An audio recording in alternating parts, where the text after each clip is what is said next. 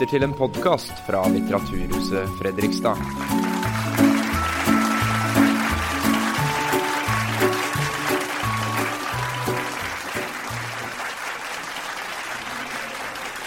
Hallo og velkommen til Litteraturhuset Fredrikstad. Det er veldig hyggelig å se at det er noen som har trossa været. Blåst og regn. Det skremmer bort mange, men ikke dere. Det er veldig hyggelig å se. Jeg heter Perry. Jeg jobber her på huset. Natt til lørdag 6. mai 1995 så ble 17 år gamle Birgitte Tengs drept. 500 meter fra der hun bodde. Hun har vært da seksuelt misbrukt og utsatt for brutal vold. Og 21 måneder senere så arresterer da politiet Birgittes jevngamle fetter for det drapet. Men hvem drepte egentlig Birgitte Tengs? Vi har kommet til andre episode i Krim fra virkeligheten, og vi skal ta for oss saken som virkelig rysta Norge. En sak som fortsatt skaper store overskrifter. VG holder nå på med en podkastserie, og den er i stor grad basert på det arbeidet og det materialet som Jørn Olav Jahr presenterer i denne boka. Jahr er forfatter og journalist. Han har bl.a. vunnet den prestisjetunge Scoop-prisen for undersøkende journalistikk. Og i kveld så snakker han med vår faste krim fra virkeligheten-mann, forfatter og journalist Fredrik Vandrup. Etterpå så blir det også signering og salg av bøker, så det er bare å stelle seg i kø. Gi dem en varm applaus.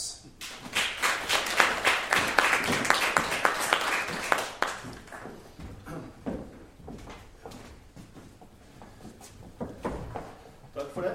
Ja, takk. Det, ja, det er, det, er, det er hyggelig. Det er rørende at folk tar seg gjennom regn og og blest for å komme her og høre på oss. ikke sant? Gjør det? Ja, det er kjempeålreit. Ja. Veldig bra. Det er, det er flott. Og, og, ja, nå har dere sett boka. Eh, Bjørn Åre Jahr. 'Hvem drepte Birgitte Tengs?' Ligger et spørsmål her som, eh, som blir liggende og sveve litt gjennom hele teksten. Det er en, det er en eh, fyldig bok. Det er en bok som går grundig til verks. Og jeg vil nok si Jeg vet ikke hvor mange av dere som var her og hørte, hørte meg snakke med Tore Sandberg for en måneds tid siden om, eh, om krim fra virkeligheten. Eh, den boka som het 'Øksebordene fra Lille helvete'. Jeg vil nok si at dette her er en bok som er omtrent på nivå med den. Og det er jo en søyle i denne typen litteratur i, i Norge. Det er hyggelig å høre. Tusen takk. Og så, som, som Peri nevnte her, så er det også VG i gang med en podkast. Hva, hva, hva syns du om det? At VG blander seg inn i dette her? Nei, jeg syns det, det er spennende. Jeg synes det er bra. Jeg var jo også tidlig i samtale med, med de involverte, de som var på laget i denne podkasten. Så jeg var jo tidlig klar over at de jobbet med det. Mm. Uh, og jeg har jo også selv bidratt. Så jeg har hatt uh, blant annet kommer en episode nå på torsdag hvor jeg får en større rolle. Og det setter jeg pris på. Ja, ja, det er klart det. Ja, så du ser på det som, sånn, som litt vind i seilene, egentlig? For- Ja, jeg tenker at det er positivt. Jeg tenker at alt som er med på å opplyse saken, er bra. Eh, Så tenker jeg jo at eh, jeg syns jo den podkasten er veldig bra, det jeg har hørt. Eh, Samtidig som jeg tenker at den, den går mer i overflaten enn det, det jeg gjør, og noe som er naturlig også når du har kortere rom å spille på. Eh, Og så de så vil jeg jo si jeg har satt meg ekstremt grundig i saken. Jeg vil ikke si at de har gjort det, og jeg mener ikke dermed sagt at det ikke er veldig bra det de gjør, men det gjør også sitt at de kan fungere litt mer som mikrofonstativ og få folks eh, litt mer sånn åpne meninger, da, mens jeg kan på en måte lukte mer inn i og med at kan mer om saken. Ja. De har jo holdt på, de har holdt på med halvtimes programmer altså, da, som, som går. Og det, en annen, et annet tegn på at denne saken eh, fortsatt er, er i full sving, er jo altså i forrige uke så gikk jo fetteren til et fetteren, denne eh, nøkkelpersonen i, i hele dramaet, eh, han gikk jo til sak igjen for å få mer erstatning. Ja, eh, det er jo en sak som, eh, som jeg ville tro at det aller beste å gå til sak mot, hadde jo vært å fått denne erstatningsdommen som han ble dømt. eh, opphevet. eh, Da den er, jeg mener den er helt åpenbart uriktig. Og den er på en måte, det som er problemet med den erstatningsdommen også, er at den, den gir et godkjentstempel på politi- og påtalemyndighetens arbeid som på ingen måte er fortjent, og som forhindrer, forhindrer videre etterforskning. For, altså, Forklar dette litt for, for, for, nye, for nyankomne. Altså, først så ble han tilsto han. Han ble dømt til 14 års fengsel. Ja. Så trakk han tilbake tilståelsen. Ja. Saken kom opp på ny, og han ble frikjent. Ja, altså det som skjedde var at han Først så, så, så blir han jo tatt inn siktet. Så kommer han jo med en Jeg kaller det en såkalt tilståelse, for jeg mener det er ingen fullgod tilståelse. Han, han det kommer sikkert tilbake til scenen, men han, han blir bedt om å fortelle det i fullt perspektiv hva han tror kan ha skjedd. Og innbiller seg etter hvert at han kan ha drept henne. Eh, og, så, og, så, skjønner han etter hvert at han ikke at dette er jo, han får alle de marerittene han tror han skal få, og det dukker aldri opp i bevisstheten hans senere. Så han, eh, så han trekker da den tilståelsen. Han, han, sliter veldig med å skulle trekke den, for han er jo livredd for ikke å bli trodd når han trekker den. For han blir jo trodd når han tilstår, men han blir ikke trodd når han sier at han ikke har gjort det. Mm. Og så, og så, kommer saken opp for herresretten først. Han blir dømt til 14 års fengsel. Det blir anket, og han blir, han blir, frikjent av juryen. Men så blir han da sivilrettslig dømt av dommerne i saken. Ja.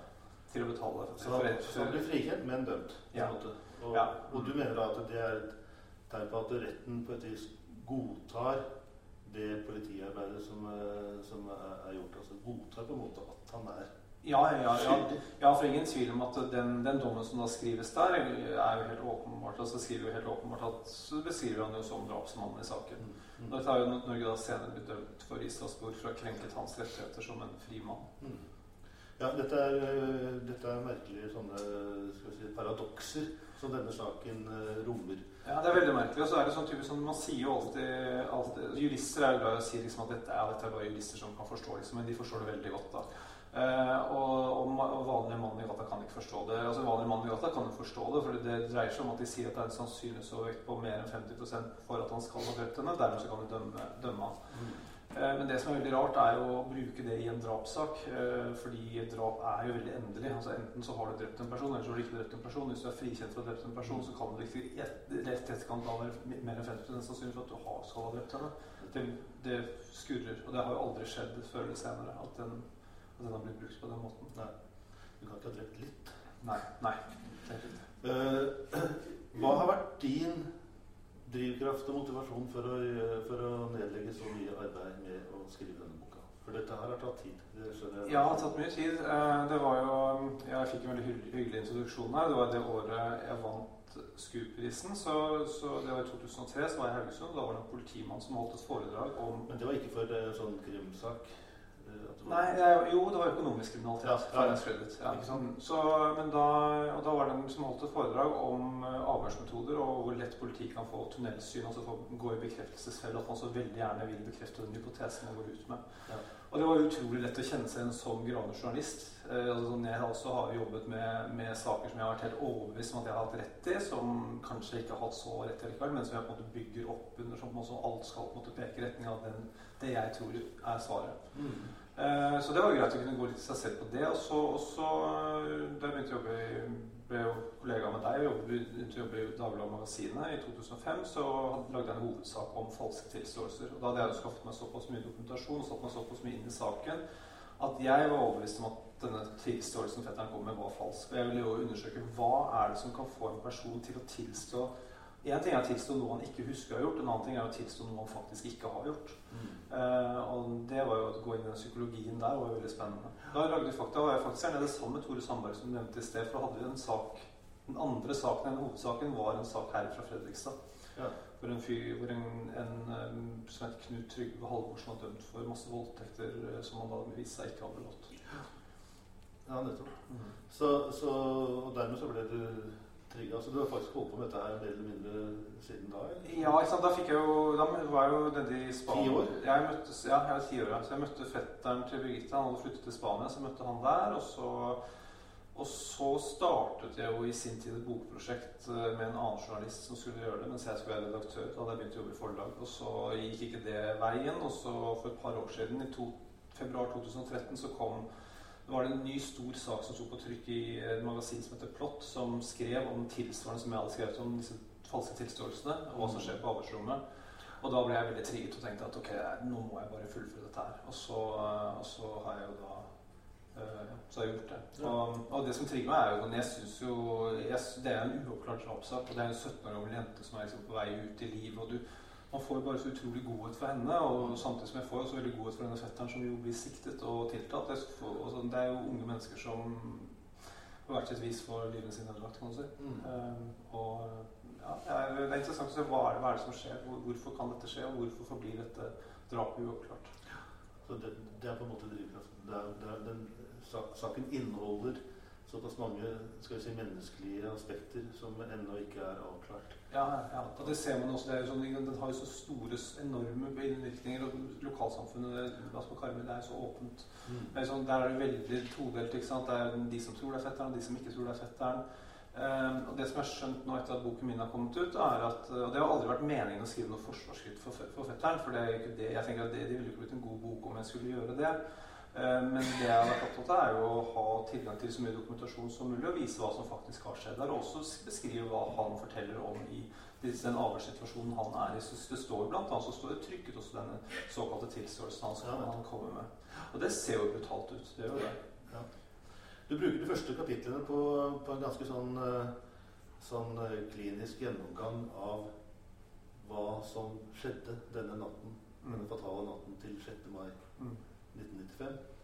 Uh, eh, hva vet man egentlig om, om, om, det som har skjedd der? Du har jo også et, et kart hvor du har plottet inn de vitnebeskrivelsene.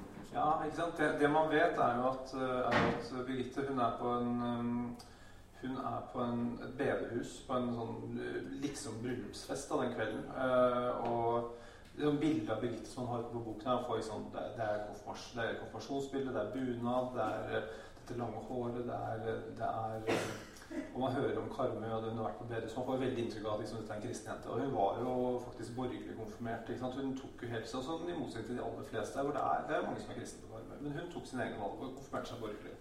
Men hun var veldig opptatt av musikk. da, så Hun hang veldig i, i miljøet med folk som, andre, andre folk som var opptatt av musikk. Det var mange kristne som var der.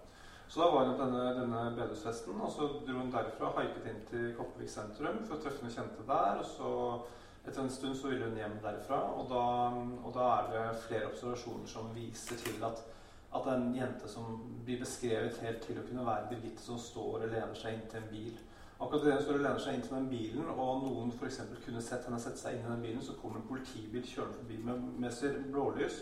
Som på en måte disse vitnene som ser henne, de får liksom fokuset deres blir da vendt mot disse blålysene. Mm. Og vips, så er Birgitte ute av bildet og ute av sentrum. Og hun finnes jo dagen etter når hun finnes, er det fire kilometer lenger unna. Mm. Og det er jo en av de tingene som, som helt klart skurrer veldig for at det skulle f.eks. være fetteren. For da skulle de gått hele den strekningen på fire kilometer. Eh, godt opplyst langs en hovedvei. Eh, det er ingenting som skulle tilsi at hun har gått og hun har kjørt. Det er jeg helt sikker på. Um, det er også andre observasjoner. Så fra, fra hun ble observert i denne bilen i sentrum av Kopervik, så er det ingen som ser henne lenger?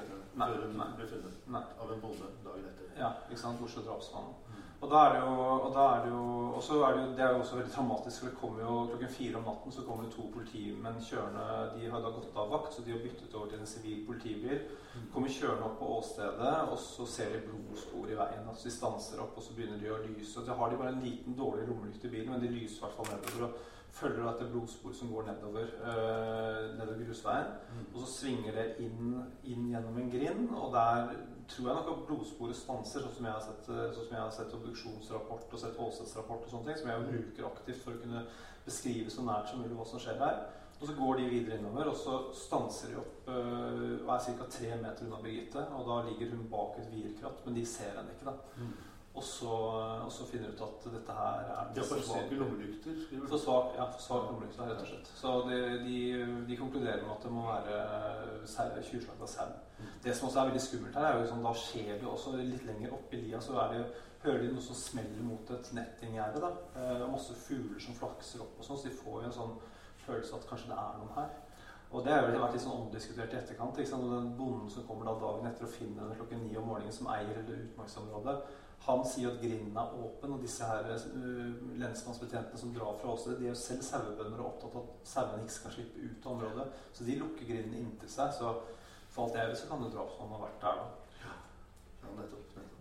Du, du har hatt et uh, fantastisk kildemateriale. Ja, har. Uh, og man forbauses over hvor, hvor, mye detaljer du har fra både åstedsrapporter, fra, fra, eller helt fra politiets rapporter ja. og avhørsprotokoller osv. Er, dette, er dette sånn som er fritt? Nei, nei, det er ikke det. Eh, Så det er, men, men det har vært veldig sånn Jeg tenkte hvis jeg skal skrive en best mulig bok, så må jeg ha best mulig dokumentasjon. Og må ha mest mulig materiale.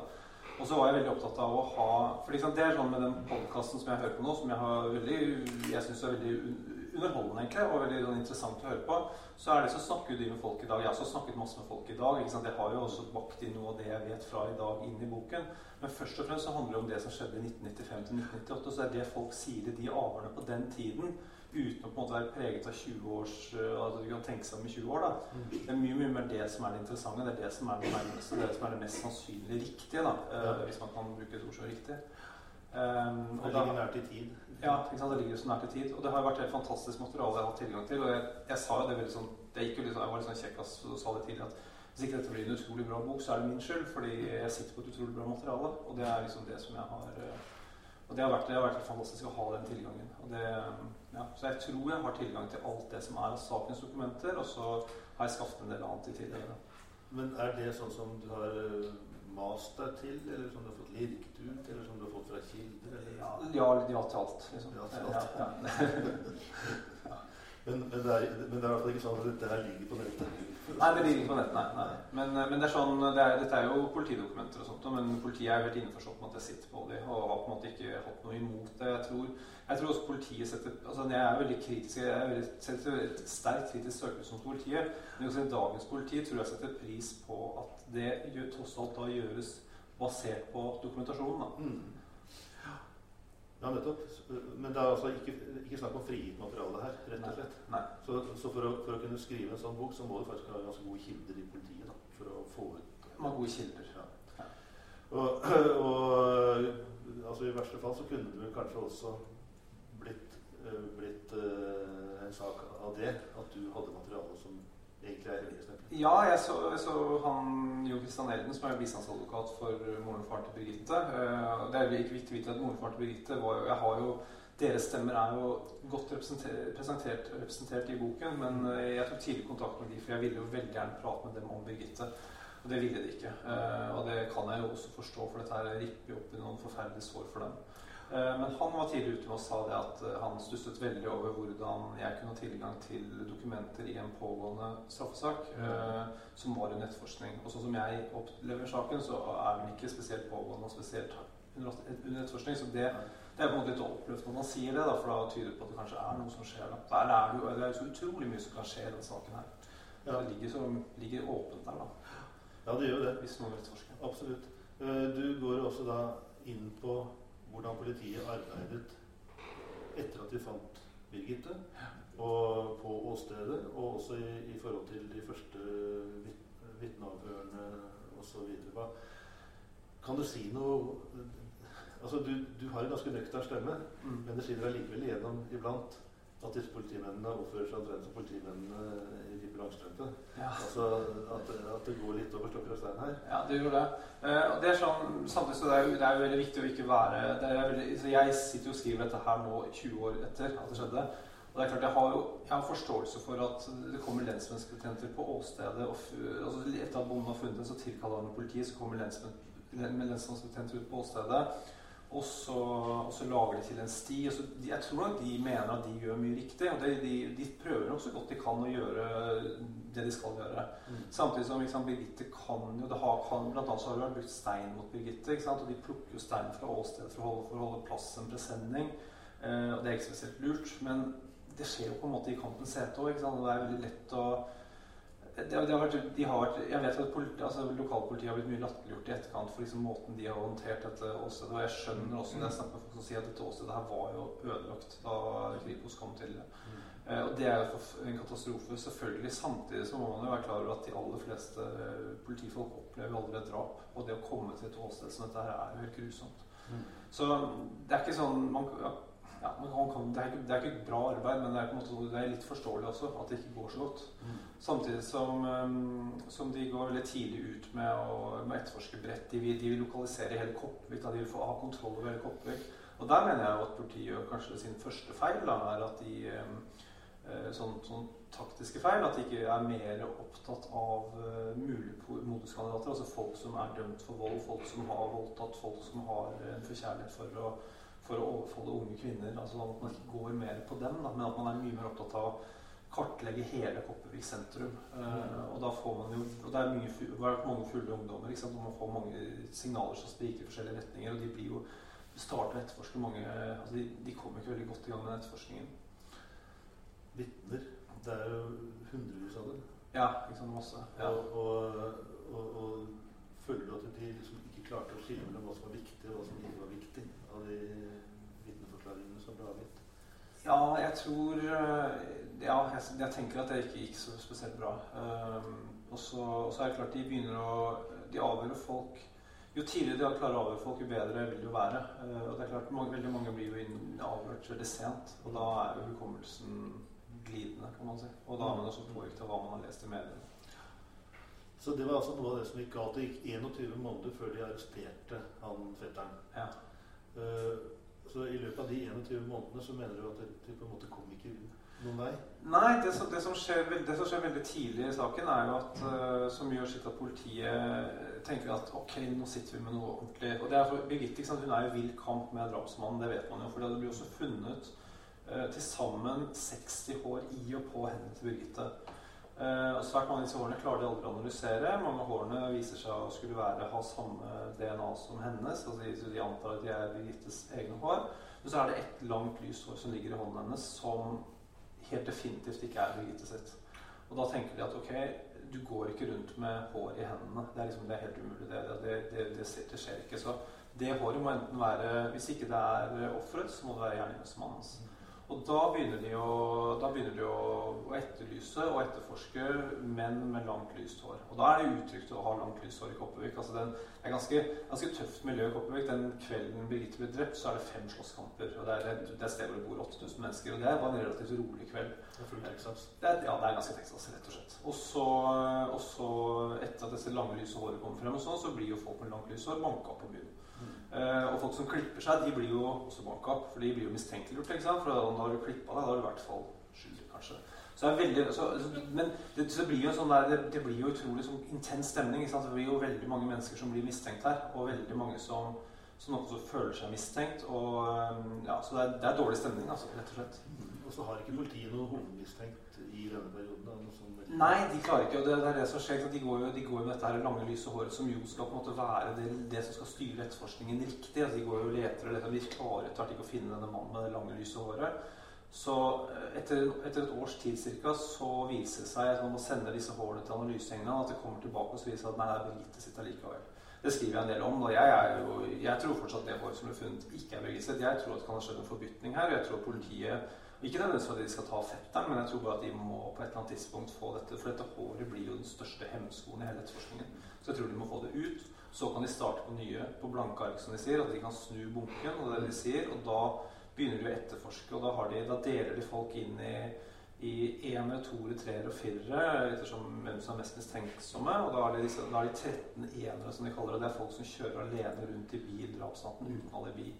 Og så, de, og så, gjør de en etterforskning mot disse som er, er ganske dårlig. altså Den er relativt slapp, syns jeg. Og så går de på fetteren, som er en som ligger i denne toerbunken. Og jeg tror de har bestemt seg tidlig for at, eh, for at jeg tror Vi kommer ingen vei, vi må ta fetteren. For han er på en måte, han skilte seg tidlig ut som en som kunne være mistenkt. Han, var, han er jevngammel med Birgitte, han bor like i nærheten, han var ute på byen samtidig med Birgitte, og han har noen episoder hvor han har eh, blottet seg i Karmøyhallen, som gjør sitt at mistanken faller mot ham. Da. Og han har også noen skjelvinger i begravelsen til Birgitte som gjør sitt at de som da allerede ser mot ham, blir enda ekstra mistenksomme også.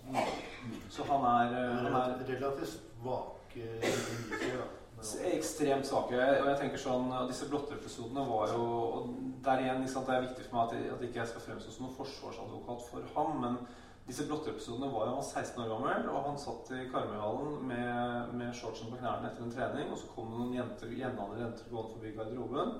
Og så ser han at de går forbi, og så går de rundt en gang til og kikker inn. Og han sitter fortsatt der da. ikke sant? Og da kan man, Det kan man liksom kalle kikking som blotting. Ja. Eh, og dagen etter så vet han at det kommer ut en ny gruppe med jenter som har spilt volleyball der. gående forbi, så han, Da sitter han og venter, da, kan du si. Og da er det litt mer aktiv. Og tredje dagen så går, er han ute i, i hallen og med et litt for lite håndkle. Og jeg vet ikke om han lar det falle eller ikke. Men da begynner ryktene Men det er ikke liksom voldelig?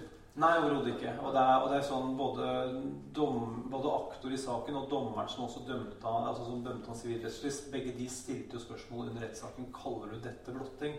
Eh, med andre ord, altså det er, men, men, dette er nok til å få jeg tror dette er nok til å få han ekstremt stresset. For dette her ble jo en rykte. Liksom, ryktene begynte å gå, han ble anmeldt for det, og faren hans fikk vite om det. Og det var eh, altså det, det er klart at og så, og så blir kusinen din drept, liksom. Jeg mener, det, det, er ikke, det, er ikke, helt uforståelig at han får skjelvinger i begravelsen. Ja, så er det en veldig aktiv gymlærer som uh... Veldig aktiv gymlærer som, som, er tidlig ute etter å, å, se hva slags Om han har noe sår på kroppen. Han overvåker han i gymmen og sånne ting. Han har ingen sår på kroppen, men han, er veldig, han stiller også liksom spørsmål når han er hjemme hos ham, for han er kamerat med sønnen hans igjen. stiller han liksom spørsmål om at ja, nei, de sirkler det inn, og det er jeg som bor i den rike nærheten, som kjenner Birgitte og følger veldig med på reaksjonen hans. Og, og fetteren føler seg veldig overvåket i begravelsen, og det er ikke så rart, for denne gymlæreren og noen av hans uh, kollegaer de sitter faktisk og følger med. De følger, de, følger, spesielt med på fetteren for å se om han kommer til å reagere. Gymlæreren sier også til klasseforstanderen til, til fetteren at politiet kommer til å gå til aksjon under begravelsen. Uh, så liksom, det er jo, stemningen er jo elektrisk. Det er jo, man forventer jo, man bare ser for seg at noe skal skje. da. Og, det, også skjer jo ikke noe. For det, her er jo mener jeg, Kripos holder hodet kaldt, og de tenker at dette her er rykter og bygdesnakk. Og, og, ikke noe vi kan altså de, de sjekket ham jo ut av saken da, på det tidspunktet her. Mm. Men så, så, kommer det ingen vei, og så sjekker de ham inn igjen. Og, og da tenker jeg at da går, det, da går det faktisk måned etter måned hvor de tråkker vannet og ikke Ja, ja. ja og ikke sant, ja, vi følger hele tiden. Det er en lang fyr med det lange, lyse håret som de leter etter. Og det fetteren hadde kort. Det er også en bil en observasjon av en bil som Det er det også, ikke sant. Ja, ja. Like ved åstedet. Ja. Så de, de, de, har, de, har, to spor som de er veldig opptatt av. Det er bilsporet og det er hårsporet. Hårsporet blir jo lagt bort, uh, som sagt. Og så er det dette bilsporet, som jo er passer overhodet ikke til fetteren. Han var jo 17 år på det tidspunktet. Og, og, og så er en bil i full fart på vei mot uh, åstedet, ja. som ble observert av et kjærestepar. Ja, fem, fem, minutter etter at Birgitte var observert stående inntil bil, ja. inntil bil i Kopervik sentrum. Eh, og, på denne østlige skogsveien? Ja, helt øde skogsvei. Og, og, full fart på vei oppover. ikke sant, Råkjører kjærester som går tur der, må hive seg i grøfta. Og både denne jenta som lener seg inntil bilen i Kopervik sentrum, sjåføren der, eh, sjåføren av denne bilen til den øde Alle disse blir jo gjennom, gjennom, nesten to år oppfordret om å melde seg. De melder seg aldri. Men så finner politiet ut at de tenker at nei, jeg vet hva, jeg tror kanskje at det kan ha vært en fyr som har vært ute og kjørt med elskerinnen sin. Uh, og at det er derfor han ikke har meldt seg. Så det, det, det blir teorien, teorien deres, og da kan de legge bilsporet bort også. Mm. Og så er det inn med fetteren. Så er det inn med fetteren. Ja. Uh, du skal jo komme tilbake til litt det, men altså, du snakker om disse 13 enerne. ikke sant? Altså Det er 13, 13 uh, navngitte personer som, som, da har vært i omgivelsene med bil, ja. og som, uh, sånn som man sikkert opplever hver, hver lørdagsnatt i Kopervik, at det er masse mennesker som kjører rundt. Veldig mange som kjører rundt, absolutt. Og, og, og, og de Konsentrasjonen om de 13 er forbløffende, har forbløffende lavt nivå, da, ifølge det du skriver. Altså de, de, de, de, går ikke hardt innpå. Nei, nei, nei, de gjør ikke det. Det er, det er én person der uh, som de, som de. Men der kunne man tenke seg flere mist svært mistenkelige personer? Altså. Ja, ja, absolutt. Jeg tenker at det er mye mer eh, For den dagen da de snur bunken, som de, som de såkalt sier, og begynner å se på folk, så, så er de opptatt av disse 13 enerne som kjører alene til bil. Jeg tror de aller, aller fleste av de har ikke noen rulleblad eller er noe skummelt på noe som helst vis. Eh, det de lar være å gjøre, er å se på alle disse voldsforbryterne som de har lagt bort pga. dette lange, lyse håret. ikke sant? For vi har et, Det er en fyr med kort, mørkt hår som har voldtatt, eh, voldtatt kjæresten sin brutalt på brutalt vis. Så, så han aldri sjekket inn i saken fordi håret passer ikke, men den dagen håret blir lagt bort, så burde han trekke inn, men det gjør han ikke. Så de, de, de, lar være å trekke inn veldig mange aktuelle kandidater. Mm. Så for å konkludere litt sånn, sånn foreløpig, så er det altså på dette tidspunktet så konsentrerer det seg om han fetteren. Og den ene etterforskeren sier til og med at når, når, når, vi da konsentrerer oss om han, så forsvinner alle de andre mistenkte i løse luften. Ja, ja. Det er jo et utrolig utsagn. Ja, men altså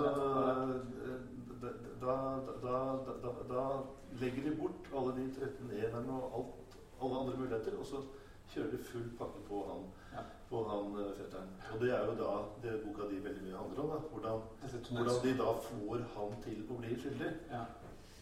Ja, og det er jo det, jeg synes jo det, og det merker jeg i responsen på folk som Jeg har masse garva lesere, liksom, sånn redaksjonssjefen min og konsernsjefen og, og, og, masse journalister som har lest sånne ting, og sier at liksom, det er det mest sjokkerende av alt jeg leser, er denne avhørssituasjonen. Hvor, hvor grusomt hvor klaustrofobisk det hele er. og hvor for han blir jo tatt inn, og så er han jo ganske sikker på at han skal, han skal samarbeide med politiet. Han skal fortelle politiet hva han eventuelt kan vite og om, om alt mulig. Også for, å, for, å, være med og hjelpe å løse den saken. Han sier at han var ekstremt opptatt av saken, som alle andre, særlig fordi han også var fetteren som var glad i Birgitte også.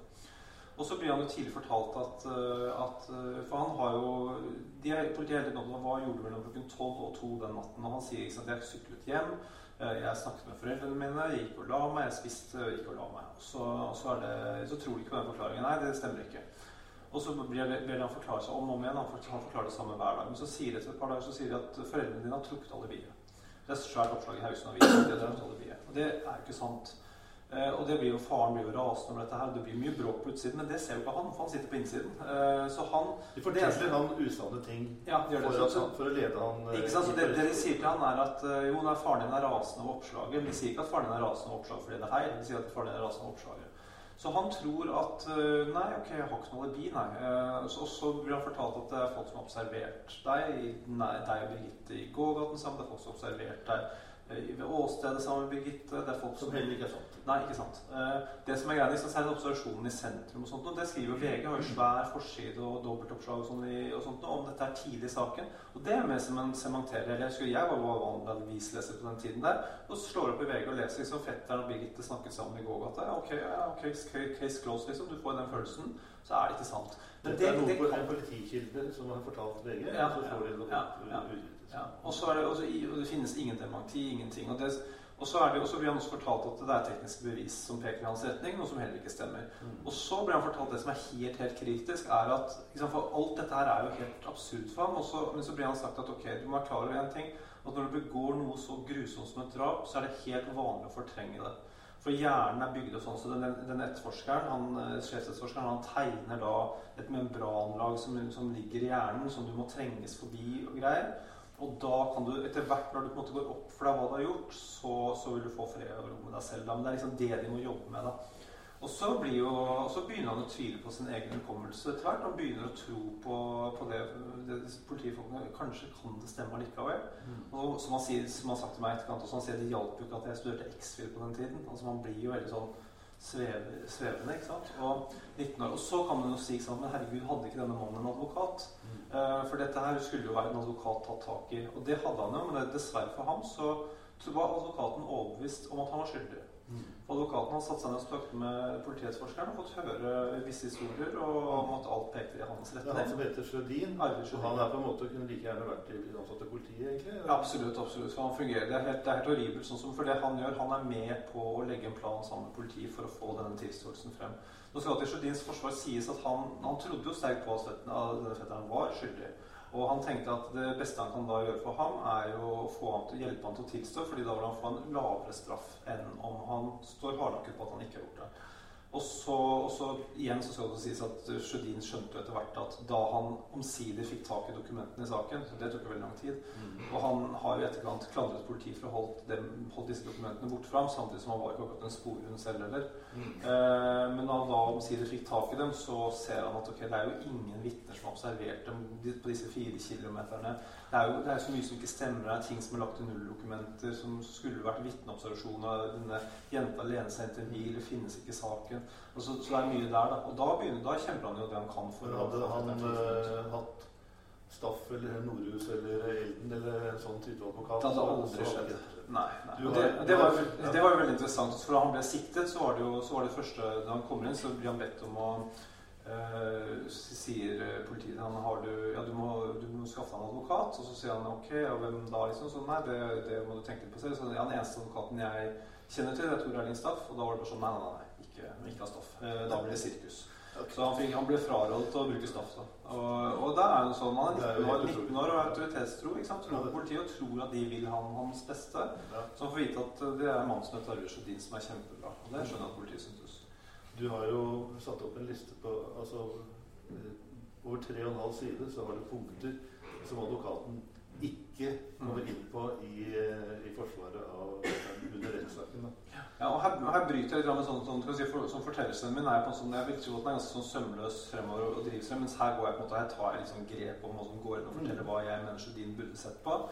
Og det er jo, og det, og det er derfor også drapet på Birgitte er ganske inngående beskrevet, beskrevet til å begynne med også, for man skal vite hva slags type drap dette er. Og så man ser opp mot da dette drapet som fetteren da til slutt. fordi fordi han står fast hele tiden. Han klarer ikke å huske dette drapet. Så sier jo etterforskeren etter hvert at hør nå her, nå lager vi et filmmanus. Mm. Og så er du Gud, og så ser du det hele i fugleperspektiv. Og så skriver, du, så skriver du ned hva, som, hva, du tror kan ha skjedd. Da skriver han med masse modifikasjoner hele tiden. Det er kanskje, kan, nok. og så det er hele tiden alle mulige sånne ord. Og så skriver han, og så bruker han jo hele tiden 'han', 'han' og 'Birgitte gikk' og sånne ting. Og så sier de etter hvert at ok, dette begynner å ligne på noe. Nå vil vi at du skal bytte ut 'han' med 'jeg'. Og da gjør han jo det. Eh, og da, men da, da tenker jeg at Det er etter tre uker isolasjon. Jeg tror han er rimelig mørna. Etter hvert så tror jeg at han er bare De holder jo på som en sånn væske som Birgitte Som, som ble funnet rett ved siden av Birgitte. Som han ble spurt ja, den vesken, hvor gjorde den? Nei, den kasta jeg i. Eh, nei, du gjorde ikke det. Liksom, du, så, nei, du, du, du, var, du, var, mye nærmere oss enn som så sånn. Ja, jeg kastet den over et gjerde. Nei, nei, du gjorde ikke det. Altså, så, så, de holder på i to dager eller sånn, tror jeg, med å få plassert den vesken ved siden av Birgitte. Og så når de omsider er plassert ved siden av Birgitte, da protokollerer de avhøret. Så du kan si alt det de holder på Men alt dette her blir jo avslørt fordi politiet, politiet må legge frem dagbøkene sine i lagmannsretten. Og det er da det kommer frem hvordan de har holdt på med dette her, hvor lang tid det faktisk har tatt. da. Men når du bare leser den såkalte tilståelsen, så kan det jo se ganske grusomt ut. Og det kan se ut som Jøss, han husker en del ting, og her, ser, her erindrer han, og her liksom tenker han på at hun ligger der og vakker i måneskinn og sånne ting. Men det var jo ikke måneskinn. Altså, det, sånn, det, det, var ikke det den kvelden. Altså, det, er sånn, det, er, det, er, så lett å skjønne at dette her er fiksjon. Ja, ja, ja. Så, så, kommer det inn en uh, ekspert på falske tilståelser fra Island, ja. Gudjonsson, som slakter dette arbeidet ja. nord og ned. Ja, det gjør han. Og det er sånn, det er, fordi Politiet var ganske tidlig her. så var de eh, Da de skulle fengsle fetteren, så måtte de ha, så hentet de inn en svensk psykiater Eh, som hadde jobbet med sånn gjerningsprofilanalyse og sånt. Altså til Ulf Aasgaard. Profiler? Ja, profiler. Ja.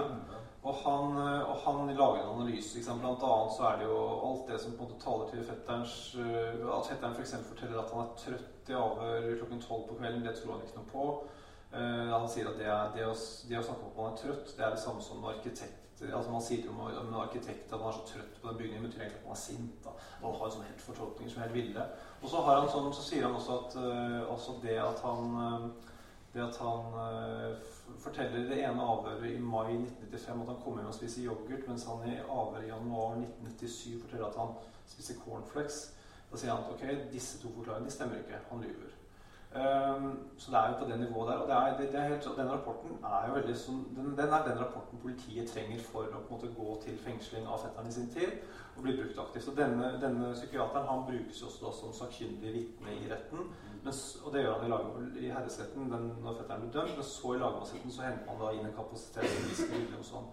Og han sier jo i rapporten til Oskar at uh, han sier jo liksom hjemme til juryen, og han er jo altså han går for å være verdens ledende ekspert og sikkert litt sånn overfra ned, men så sier han til juryen at hvem av dere kunne skrevet en mye bedre rapport enn Ulf Oskar. Mm. Og, så, og så legger han jo frem sine funn, og han har jo avhørt av avhørerne, han har avhørt fetteren i lang tid, han har, han har satt seg grundig inn i saken. Han leverer jo en sånn Det er knusende rapporten. Ja. Men det som er interessant her, er jo at dommeren i saken jo, er jo rasende på denne Gudjonsson. Og det, det beskriver jeg ganske inngående. Liksom, hvordan han hele tiden avbryter Gudjonsson. Og hvordan han i sin rettsbelæring senere forteller at liksom, falske tilståelser, det tror vi ikke på her i byen. Uh, og da får man det helt sånn Det, er, det er guffent, altså. Det er rett og slett uh, ja. Så han Gudjonsson, som har vitna i sånn Guilford 4 og Birmingham 6, som er en stor kapasitet, han sier at han aldri har opplevd maken som han gjorde i den rettssaken. Nei, så det du, det du gjør, er altså det, Nå er jo fetteren uh, på frifot, og han, altså det, er, det, er, jo avdekket at det er et, dreier seg om et justismord i første omgang. Ja. Så, så, men du kapitulerer denne saken uh, i alle dens groteske detaljer. Og, og, og, en del av disse politifolkene kommer jo svært dårlig ut av det. Ja. Sånn. Uh, og når man leser boka di, kan man forbause seg over at det ikke at ikke de anmelder deg til politiet for å injurier i, i denne boka. Men det har, ikke, ikke skjedd. Nei, altså Fordelen min som jeg tenker når det gjelder politifolkene, her, da, det er at øh, Og det var en ting som Sjodin gjorde som, som, som, jeg tenker etterkant, som jeg er takknemlig over at han gjorde, var at han anmeldte politiet for alt mulig, egentlig, sånn i etterkant av saken. eh, fordi han mente at politiet hadde ført både han og fetteren bak lyset. Eh, og noe rett jo også, men, men uh, Sjødin var jo også selv med på dette. Men uansett så endte det opp med massive søknader. Så jeg har jo sånn hovedetterforskeren har jeg jo eh, 315 siders uh, avhør av, hvor han forteller i detalj hva han mente, hva han tenkte, hva han følte, hva han gjorde. Og det er jo brukt veldig aktivt. Så du kan si hans stemme kommer jo veldig tydelig og godt frem. Eh, kanskje ikke helt sånn som han hadde tenkt seg, men, eh, men allikevel, han har jo på en måte kommet til orde gjennom sin forklaring. da. Og dette gir jo en slags garanti også for leseren om at det som står her, er riktig. Ellers ville det antagelig blitt debatt av det. Ja, jeg, jeg tenker også sånn at eh, jeg, jeg skal ikke nødvendigvis ta i alt er riktig. Jeg tenker sånn også at eh, han, han sier jo, han var veldig glad i det å si det, han hovedetterforskeren der. han sa det i 2005 da jeg forsøkte å intervjue han i forbindelse med, den saken jeg laget for magasinet. Så sa han at denne saken er dekket av glemselens slør. Så snakket han også om at vi må ikke ta opp denne saken fordi det er så fælt for foreldrene til Birgitte. Og det har han alltid gjort. Han har alltid skjøvet foreldrene til Birgitte fremfor seg. Eh, mens det i virkeligheten har vært veldig interessant å etterforske hans rolle mye grundigere. Altså enda grundigere enn det jeg har gjort. Kunne, kunne politiet gjort. Og så, og så sier han en dag i dag så ser jeg også han bruker dette glemselens slør. Han er veldig glad i det uttrykket. da. Og jeg tenker sånn, Det er jo forferdelig at du har en etterforsker av en sak som er opptatt av glemselens slør. Da. Det er jo en uoppklart sak. Det bruker å være sånn. Nei, det er vel ikke sånn man vanligvis opplever. i hvert fall. Det er ikke optimalt. Nei, nei. Nei. Cold case Nei. Uh, er vel noe som heter. ikke sant? Og- Ja. Mm. ja. Dette er jo et typisk cold case. Det er det. det er det. Og du kan si han, ene, eh, cold case, han som har blitt cold case-sjef nå, Espen Erdal, han har også en sentral rolle der. Han er jo også i Kripos på den tiden der.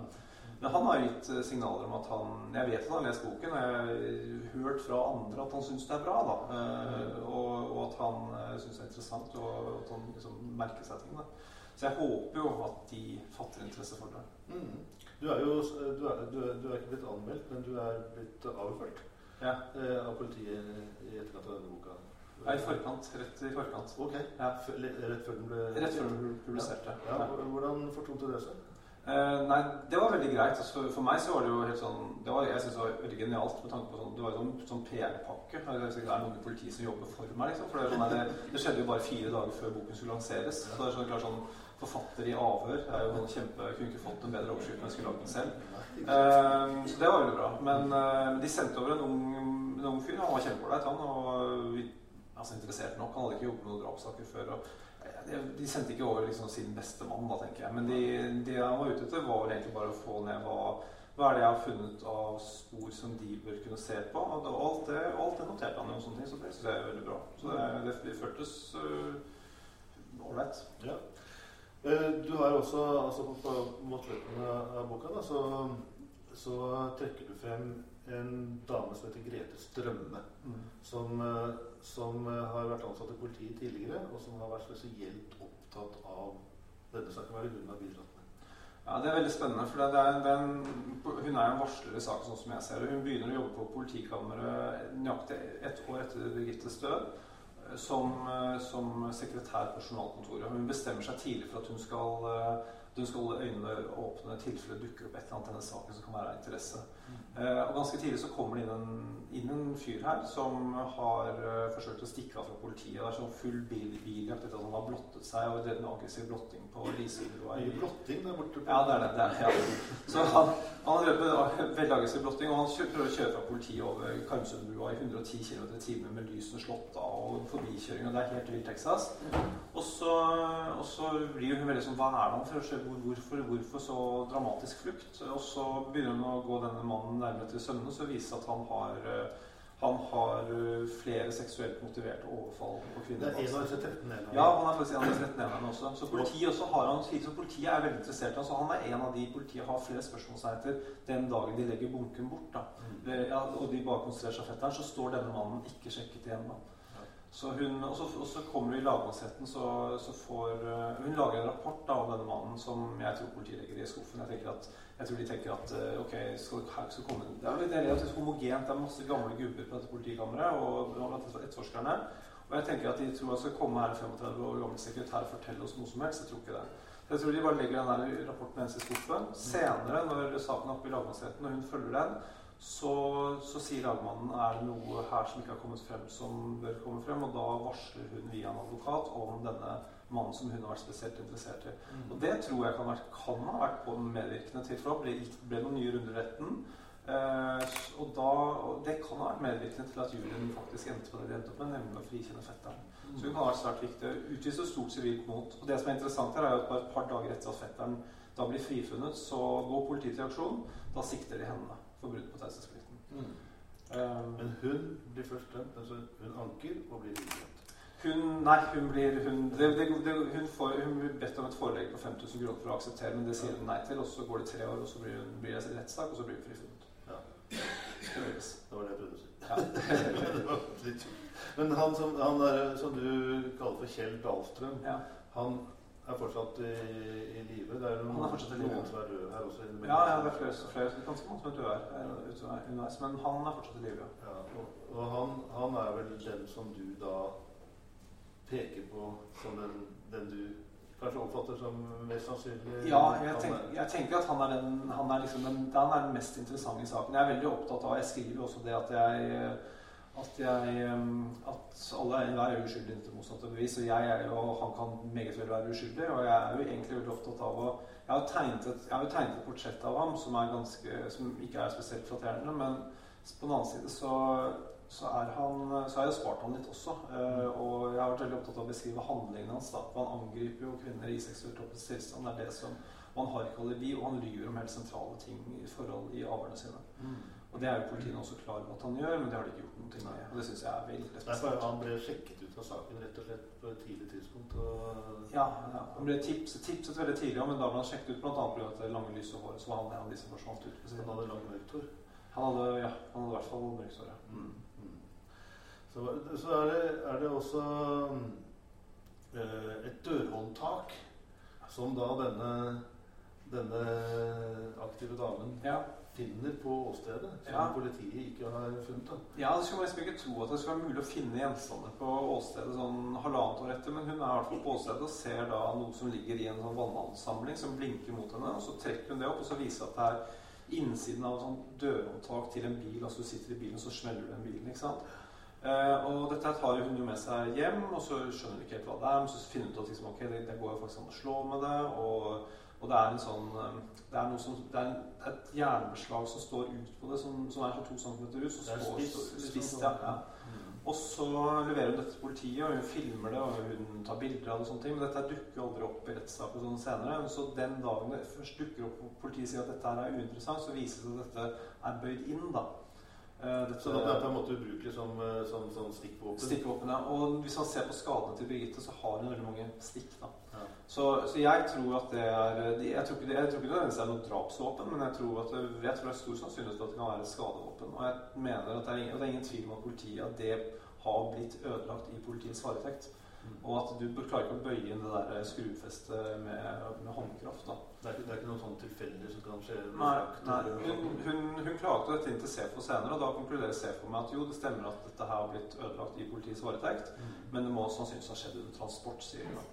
Men da er det i så fall veldig rart at de ikke rapporterer om det. Altså, det, er, det er i hvert fall det er, det er ikke sånn Og det er politiet ikke For det har jeg tatt opp ganske mye, dette, dette dørhåndtaket. Jeg sier ikke at det nødvendigvis er drapsvåpen, som sagt. Eller at det, jeg tror ikke det er drapsvåpen, men jeg sier ikke at det bør være skadevåpen heller. Men det er veldig spesielt at dette blir ødelagt i deres varetekt. Og det passet jo overhodet ikke inn i den forklaringen som fetteren ga. Ikke at Jeg tror det er derfor det forsvinner ut av saken. Og det er de ekstremt hårsåre på i dag. Altså, de, er, de er utrolig opptatt av at dette har ingenting med saken å gjøre. Det er ikke jeg så sikker på. Så det du egentlig skriver, er faktisk altså da en, en etterforskning hvor eh, bevis er blitt manipulert, hvor tidspunkter er blitt flyttet, og hvor, eh, hvor, hvor altså alt er blitt tilrettelagt i forhold til en teori om at det er en spesiell menneske. Ja, og, der, og dermed blir, blir på en måte hele etterforskningen eh, ødelagt. Ja, ja den blir, den blir, og, da, og da er det vanskelig å ta det opp, opp igjen også. Jeg skjønner jo på en måte at man syns det er vanskelig å drive og ta den saken her opp igjen, for det er mye som ødelagt underveis her. Og det er veldig interessant det du sier med tidspunkt, for det blir jo eh, tidlig så var det, altså de, de fant jo mageinnholdet til Birgitte, gjorde en analyse av, og det ble tidlig slått fast at hun av dødstidspunktet viste seg å være klokken halv ett. Og det er jo, Hun forsvant fra Kopervik sentrum ti over tolv ca., og det er fire kilometer unna hun ble funnet. Med andre ord, hun må ha kommet dit med bil. Det var jo politiet sikre på. Når den saken her kommer opp med fetteren, så er det mageinnholdsrapporten er den forsvunnet. Og det er også mageinnholdet til Birgitte. Det er borte. Og det er veldig spesielt at, noe, at På vei fra Bergen til Oslo? Ja, forsvinner. De, og det er liksom, De i Bergen sier nei, vi sendte med posten, og vet ikke hvor det ble Han, han i Oslo sier aldri mottatt. Ikke sant? Så et, på et eller annet sted så har liksom Birgittes mageinnhold og sendte det på posten? Uh, ja, det kan se sånn ut. altså. Det er, det er jo helt sånn, man tror jo ikke. Men uh, dessverre så viser det seg at uh, det er borte. Ja, nettopp. Så det, her er det rare ting som, som har skjedd underveis. Fordi man altså da åpenbart vil tilpasse bevisene ja. til, uh, til uh, den teorien man har, ja. istedenfor å samle bevisene og lage teori. Ikke sant. Ja. Og Det er det som er så grovt. Og det er derfor jeg ser sånn For politiets del så er de mer opptatt av liksom, Jo, det skjedde mye galt på åstedet. altså sånn, Håndteringen av åstedet var ikke heldig. Jo, det skjedde Han som tok avhøren av fetteren, gjorde en god nok jobb.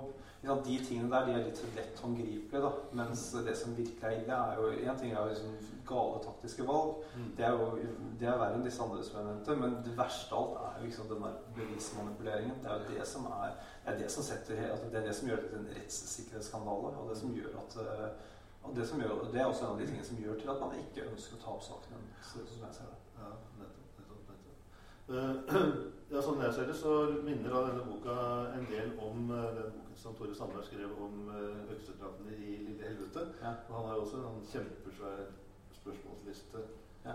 som du har på side 144 ja. med, med, med liksom punkter som han sendte over til statsadvokaten og til, til sjefsetterforskeren for å få svar på. Men det fikk han aldri. Nei. Det var jo 100 spørsmål. Men altså men, men, men liksom i hovedsak det, her er det så mange ubesvarte spørsmål og så mange beviselige feil at uh, Hva tenker du om framtida for denne saken? Den er jo fortsatt en uløst sak. Ja, ja jeg, tenker at, eh, jeg, tenker at, det er fullt mulig å løse denne saken. her. Jeg tenker at det handler om jeg, Og jeg tror, tror jeg såpass tro på norsk politi at jeg tror at de har evner til å løse den. Mm. Så er spørsmålet om de har vilje. da. Det er det som er problemet. Ja. Men hva, hva, hva måtte i så fall skje? Uh, det, det må jo skje en en holdningsendring. Jeg tenker som Du har det lokale, altså det regionale politidistriktet da, som holder i saken. Da er det fortsatt folk som har jobbet med en sak, som sitter, som sitter der i altså, Kulturen sitter i veggene. Det jeg hører fra, fra politiet der, som de sier, er at når folk blir ansatt, så får de beskjed om at Birgitte-saken den snakker vi ikke om. Mm. Uh, og, og, det tror jeg dessverre er tilfellet. Og da tenker jeg at uh, Så lenge den saken er der, og de vil jo også gjerne ha den vekk derfra selv, også, ser ut. Jeg tror de jeg tror de føler såpass mye press på seg, de, og de skjønner at dette klarer vi ikke å løse. Dette blir ikke bra på noe som helst vis. Vi må få den bort til noen nye, friske øyne som ser på den. Og så mm. tror jeg jo at jeg, håper, jeg tenker så For Cold Case måtte jo vært en ekstremt fantastisk seier å kunne løse en sak som dette her. Mm. Og selv om man da vil si, se tilbake på at ok, det er gjort mye feil, og det er gjort mange ting som faktisk også er straffbart, men det er likevel en seier for dagens politi. da. Det er det viktigste. At mm. dagens politi fungerer. At ikke politiet i 1996 fungerte, er jo en annen ting. Ja. Det var jo veldig interessant. som du ser sånn link til, til Fredrikstad, så var det sånn da fetteren ble arrestert, så fikk han jo høre hele tiden at du må ikke tro at dette er noen ny Per Liland-sak, for da hadde jo ikke Per Liland-sak Per Liland blitt frikjent. Det var jo nettopp akkurat da det skjedde. Ja, så det var, og da, da var man veldig opptatt av at jo, jo, det skjedde mye gærent på den tiden, men det gjør ikke det nå. Så. Men det er vel generasjonsskifte i politiet også? Kunne man tenke seg at uh, saken ble Altså må saken sånn formelt sett gjenopptas. da, Altså etterforskningen gjenopptas i tilfelle det skal, uh, skal løses. Ja, det må, det må det. Ja. Mm. Og hva skal til for at det skjer? Uh, nei, jeg vet ikke egentlig. Det er, kanskje, kanskje Riksadvokaten Riksadvokaten har vært helt fraværende. Altså, sånn, det er jo han som tar det øverste ansvaret. Så jeg tenker at hvis de sier at du, Riksadvokat og statsadvokatembetet sier at nå, nå setter vi en ny etterforskning mm. Jeg tror ikke det kan være mye vanskeligere. Har du sendt en bok til Riksadvokaten? Det har jeg gjort, ja. ja. Da får vi håpe at han uh, reagerer, at han bruker juleferien eventuelt på å lese seg opp.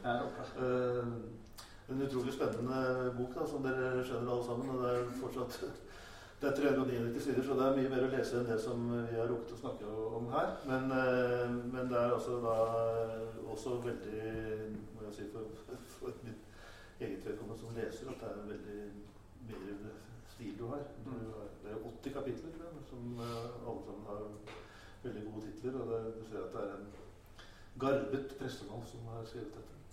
Så uh, tusen takk for at du kom hit for å, å snakke om, uh, om, boka. Og kan du bare håpe at den får, at den får følger og konsekvenser. Og takk til dere som stilte opp gjennom den mørke, regnfulle Fredrikstad-natten. Håper dere tør å gå hjem igjen.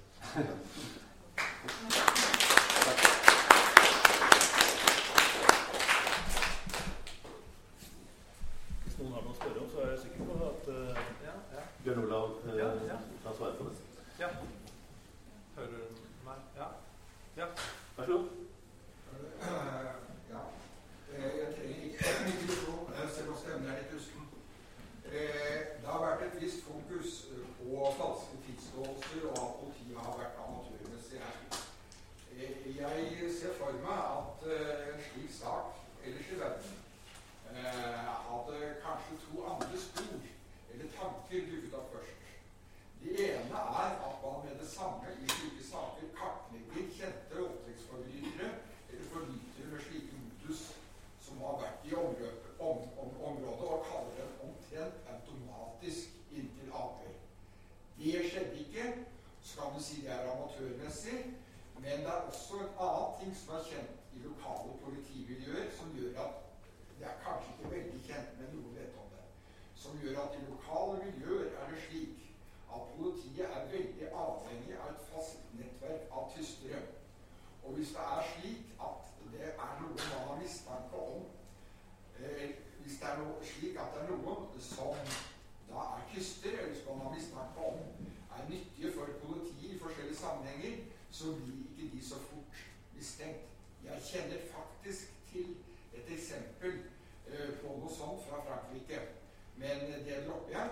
Men eh, jeg kjenner til at det er utbredt også internasjonalt. Så uh, jeg synes at den beretningen vi fikk, som var godt framført, og det var spennende Jeg dropper de punktene, men jeg synes at dette like godt kan ligne omtrent på en serie med manipulasjoner fra begynnelsen av til slutt. Jeg har notert bak øret de punktene, men jeg dropper å ta dem opp igjen. Ok, takk. takk. Ja, men interessant. Absolutt. Flere som har noe de lurer på? Nei, men da må dere gi uh, Bjørn Olav en god